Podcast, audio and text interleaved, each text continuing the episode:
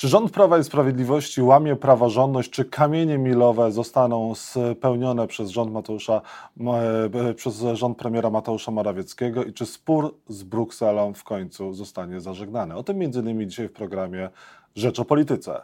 Jacek Nizinkiewicz, zapraszam. A Państwa i moim gościem jest e, pan sędzia Igor Tuleja, sędzia Sądu Okręgowego w Warszawie. Dzień dobry, panie sędzio. Dzień dobry. Czy pan się czuje szykanowany? Hmm. Nie wiem, czy do końca mogę się zgodzić z takim określeniem szykanowanie, bo jak używamy takiego słowa szykanowanie, to mam wrażenie, że to mnie pozycjonuje w roli ofiary, a ja się oczywiście nie czuję kimś słabszym, jakąś ofiarą, bo e, robię to, co powinienem robić, walczę i będę walczył. Natomiast rzeczywiście te działania partii rządzącej, e, mam wrażenie, że mogą nosić znamię mobbingu. Mobbingu, e, mobbingu e, politycznego?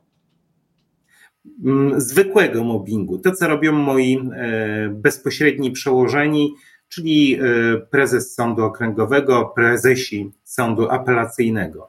I ten ich upór w nierealizowaniu prawomocnego orzeczenia sądu pracy nakazującego natychmiastowe przywrócenie mnie do czynnej służby.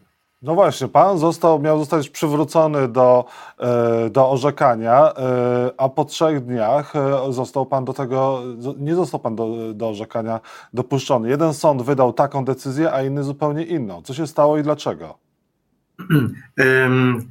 Sytuacja, nie chcę sobie oczywiście pochlebiać, ale sytuacja jest bardziej dramatyczna, bo powiedziałbym, że mniej więcej po 30 sekundach, myślę, że przez 30 sekund mogłem się poczuć e, sędzią, który będzie mógł orzekać.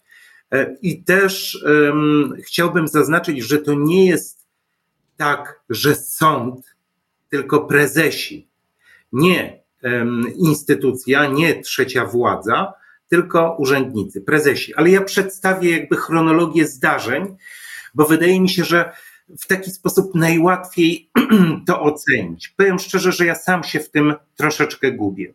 5 sierpnia e, w piątek otrzymuję telefon z kadr, że jest decyzja prezesa Sądu Okręgowego do odebrania.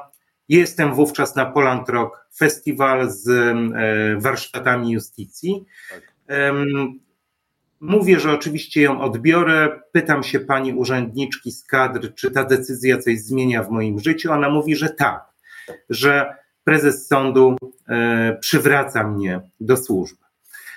Mówię, że, ale jednocześnie zostaje skierowany na przymusowy urlop. Mówię, że w takim razie, e, jak będę w Warszawie, ją odbiorę. W międzyczasie, w sobotę, w telewizji rządowej TVP Info pojawia się komunikat o tym, że zostaje przywrócony. W poniedziałek 8 sierpnia stawiam się w kadrach Sądu Okręgowego. Najpierw odbieram decyzję pani prezes Sądu Okręgowego z 5 sierpnia, z której wynika, że z dniem 8 sierpnia jestem przywrócony do służby. Jednocześnie zostaje mi doręczony kolejny dokument o skierowaniu mnie na zaległy urlop od 8 sierpnia do 19 września. Otrzymuję nowy zakres obowiązków i w momencie, kiedy zaczynam pisać wniosek do pani prezes Sądu Okręgowego, aby jeszcze raz rozważyła, czy to wysłanie mnie na urlop w sytuacji, kiedy jestem blisko dwa lata na przymusowym urlopie, istotnie jest konieczne. Otrzymuję informację, że jeszcze jest jedna decyzja i to jest właśnie decyzja e, prezesa Radzika, prezesa Sądu Apelacyjnego, który uchyla e, decyzję prezes Sądu Okręgowego o przywróceniu mnie do służby. Tak wyglądają wygląda chronologia zdarzeń. Też może warto wspomnieć, jeśli pan redaktor uzna e, za stosowne, jakie były uzasadnienia obu. No właśnie, o to chciałem zapytać. Jakie były uzasadnienia? Jak e, panu wytłumaczono, dlaczego pan nagle nie może jednak wracać do orzekania, mimo że decyzja poprzednia sądu była inna, a tutaj prezes zdecydował, prezes Schab z prezesem Radzikiem e, inaczej, z rzecznikiem. Mhm. Też, też warto nadmienić, czym się kierowała pani prezes Sądu Okręgowego, bo wydawałoby się, że jej decyzja o przywróceniu mnie do służby jest reakcją na wniosek mojego pełnomocnika, pana profesora Romanowskiego, który domagał się wykonania orzeczenia Sądu Pracy o przywróceniu mnie do służby z marca tego roku. Natomiast pani prezes Sądu Okręgowego uzasadnia swoją decyzję, decyzję w ten sposób, że z uwagi na bezczynność Izby Odpowiedzialności Zawodowej Sądu Najwyższego w przedmiocie rozpoznania tej uchwały zawieszającej mnie, ona przywraca mnie do służby.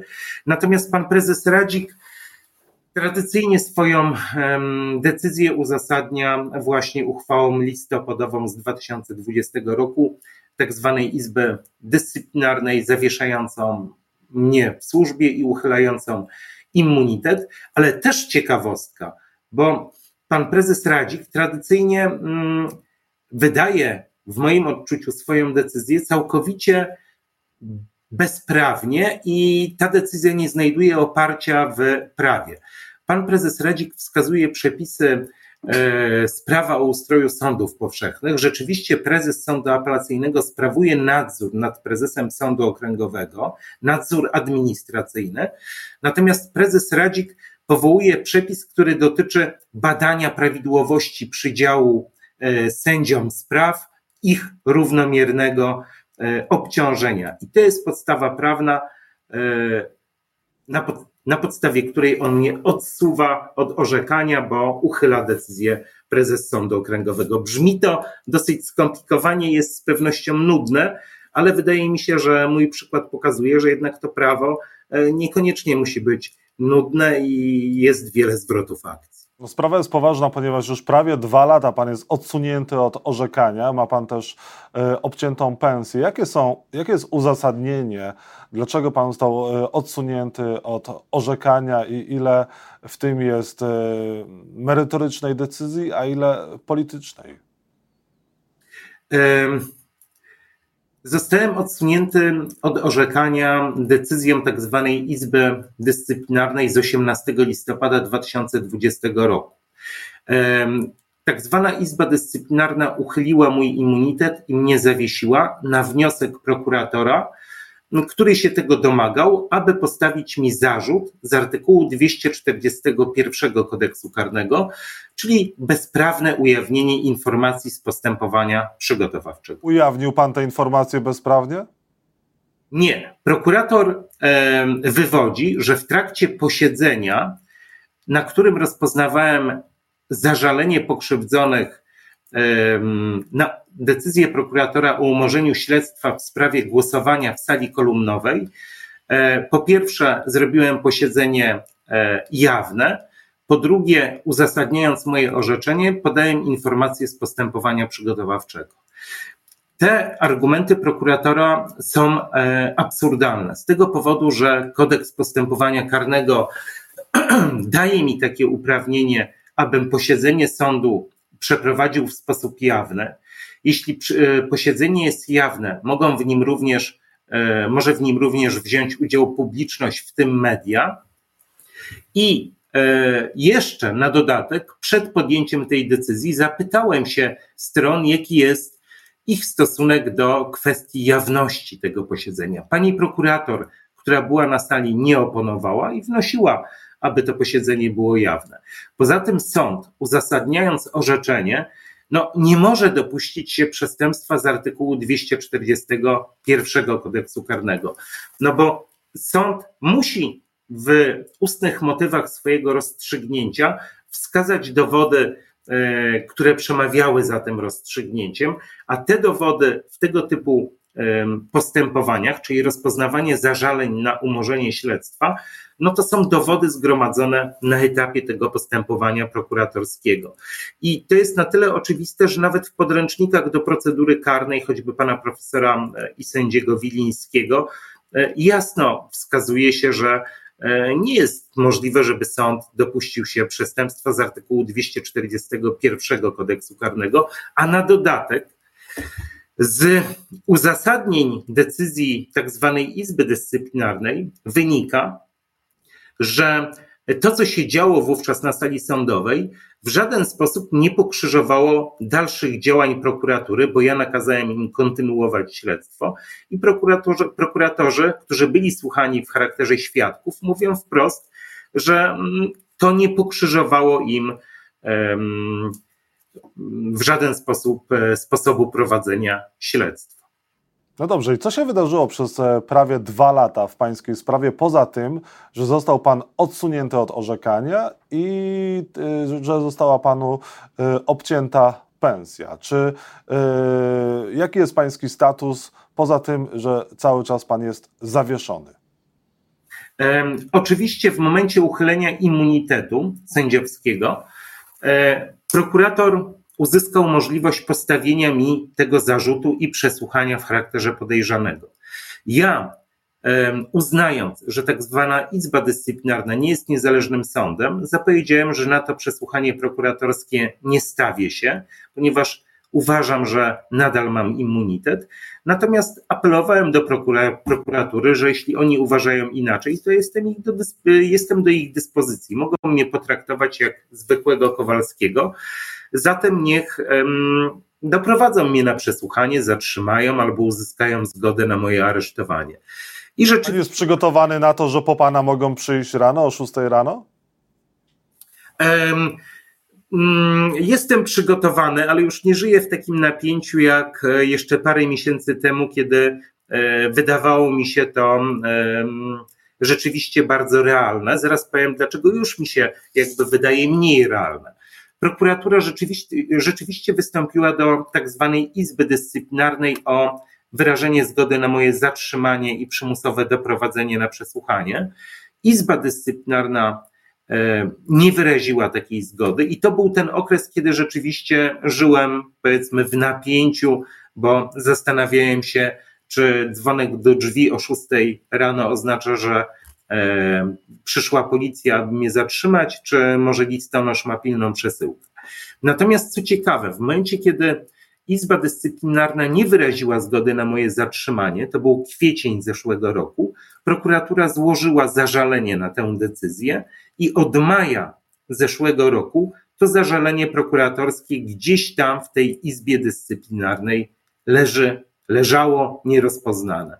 Zostało pewnie przekazane razem z likwidacją Izby Dyscyplinarnej do Izby Odpowiedzialności Zawodowej. Tak wygląda pokrótce ta moja sytuacja. Ja oczywiście przez ten czas przy pomocy adwokatów działających pro bono na różnych forach usiłowałem walczyć o swoje prawa, poczynając od e, naszych sądów powszechnych, składając zawiadomienia do prokuratury o możliwości popełnienia przestępstwa, ze świadomością oczywiście, że prokuratura dzisiaj nie jest instytucją niezależną, ale uważam, że trzeba to robić, bo rękopisy nie płoną.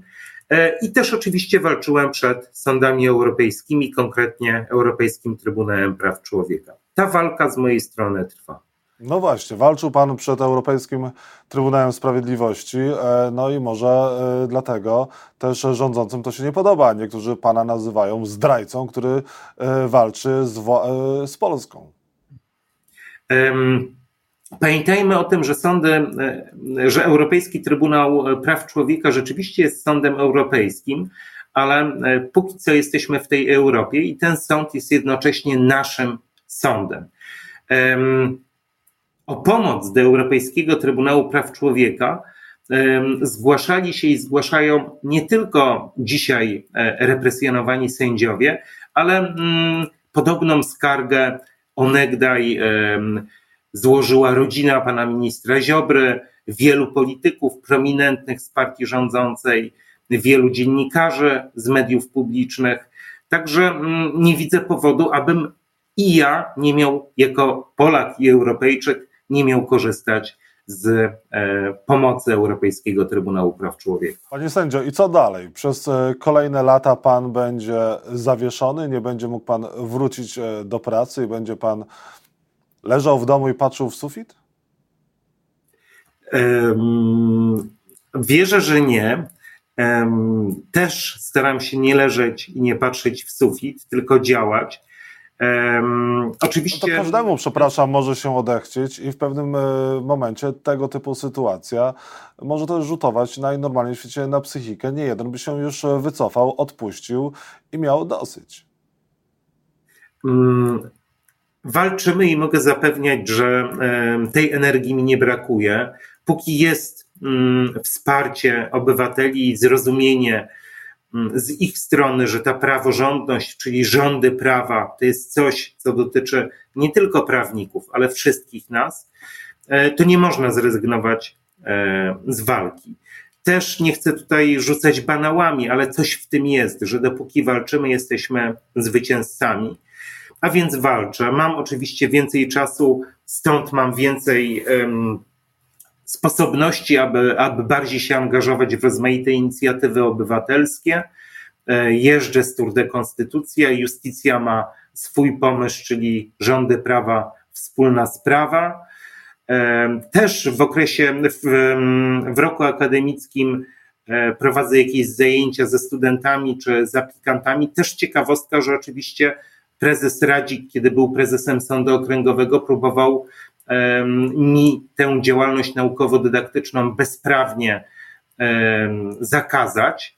No i też go oczywiście podałem e, do sądu i co ciekawe, nawet w sierpniu będzie pierwszy termin e, w tej sprawie. Także e, walczę, staram się nie pogrążać w jakimś maraźmie i da się to robić. No, może właśnie ta aktywność pana zgubiła, panie sędzio, aktywność e, w różnego rodzaju e, manifestacjach, marszach politycznych. Może sędzia nie powinien brać udziału w tego typu e, zorganizowanych politycznie wiecach. Um, tutaj um, pozwolę się nie zgodzić, ponieważ e, sędziowie um, nie uczestniczą w politycznych e, marszach czy wiecach. I też proszę zwrócić uwagę, mam przynajmniej taką nadzieję, że, że tak to wygląda, że jeśli my się wypowiadamy w tej przestrzeni publicznej i zabieramy publicznie głos, to nie mówimy, e, która partia jest dobra, która jest zła, na kogo powinniśmy głosować, tylko my, e, jeśli już publicznie zabieramy głos, no to mówimy o tych kwestiach, które, które znamy, czyli praworządność, konstytucja, wymiar sprawiedliwości. E, I uważamy, że to jest nie tylko naszym prawem, ale wręcz obowiązkiem. Mówienie publicznie o tych sprawach, o sądownictwie, niezależności tego sądownictwa, niezawisłości sędziów. To nie jest to, że my sobie to wymyśliliśmy, ale to wynika i z orzeczeń właśnie Europejskiego Trybunału Praw Człowieka, który wprost e, rozstrzygając w podobnych kwestiach stwierdził, że sędziowie mają takie prawo. To są te orzeczenia um, Kudaszki przeciwko Rosji, e, Wille przeciwko Liechtensteinowi, Baka kontra Węgry, czy ostatnie e, dotyczące sędziego Żurka. Mamy też tę słynną deklarację sofijską z 2013 roku. To był taki akt, deklaracja e, stworzona przez Polską Krajową Radę Sądownictwa, która wówczas funkcjonowała i podobne rady sądownicze z innych krajów i tam też wskazano, że sędziowie mają ten obowiązek uczestniczenia w debacie publicznej na tematy związane z prawem i, i dlatego to robimy. No dobrze, e, a czy Polska powinna dostać pieniądze z KPO? Czy te kamienie milowe są realizowane przez e, rząd Mateusza Morawieckiego? Wydaje mi się, że e, te kamienie milowe nie są realizowane. I tutaj trzeba zadać dwa, dwa pytania partii rządzącej. Jeśli wiedziała, że nie będzie w stanie e, zrealizować tego, do czego się zobowiązuje, no bo te kamienie milowe zostały stworzone e, przez polski rząd. Oni to wymyślili i zobowiązali się, żeby to zrealizować. No to takich warunków nie powinni e, tworzyć i, i, i umieszczać na tym forum międzynarodowym. A dlaczego oni tego nie realizują? No to też jest pytanie do rządzących, a nie e, do mnie. I ostatnia kwestia. E, wczoraj e, było losowanie w Sądzie Najwyższym. E, teraz prezydent wybierze ze starych i nowych sędziów. Wybór finałowej jedenastki sędziów do nowej Izby Odpowiedzialności Zawodowej Sądu Najwyższego może być ważniejszy od losowania. Tak dzisiaj piszemy w Rzeczpospolitej. Czego pan się spodziewa po prezydencie i czy ta, jak pan ocenia tą, to wczorajsze losowanie, którego dokonywała sędzia Manowska? Nie obserwowałem tego losowania na bieżąco, znam to tylko z relacji medialnych. E, Przypomnę tylko, że dziennikarze nie, również nie mogli być na sali, nie mogli tego obserwować, nie zostali wpuszczeni e, na to losowanie, mogli to obserwować tylko na monitorku w sali. Było to widać bardzo niedokładnie. Część e, tylko tej, że tak powiem, maszyny losującej była widoczna. Było to wszystko bardzo niewyraźne i z transparentnością nie miało wiele wspólnego. To jest dowód na to, że dostaje się nie tylko tej trzeciej władzy, ale też czwartej władzy. No na pewno to losowanie było mm, e, emocjonalne, e, natomiast mm, wydaje mi się, że istotne jest w tym, w tworzeniu e, obsady tej Izby Odpowiedzialności Zawodowej, że mm, nie rozumiem jakby tego kolejnego etapu, że pan prezydent spośród tych 33 osób ma jeszcze wyłonić tak. E, tę złotą jedenastkę. E, można by było się zatrzymać ewentualnie na losowaniu. Po co jeszcze e, przedstawiciel władzy wykonawczej, politycznej ma wybierać, wskazywać obsadę tej izby odpowiedzialności zawodowej. To jest to, na co zwracaliśmy uwagę, że najlepiej jednak jest, jak politycy trzymają się z dala od wymiaru sprawiedliwości. I w związku z tym, że mamy ten kolejny etap wyboru tej jedenastki przez pana prezydenta, no to też trudno nie oprzeć się wrażeniu, że to jednak będzie jakiś organ polityczny, e, ta Izba Odpowiedzialności Zawodowej i tak naprawdę to niewiele zmienia w całej tej sytuacji.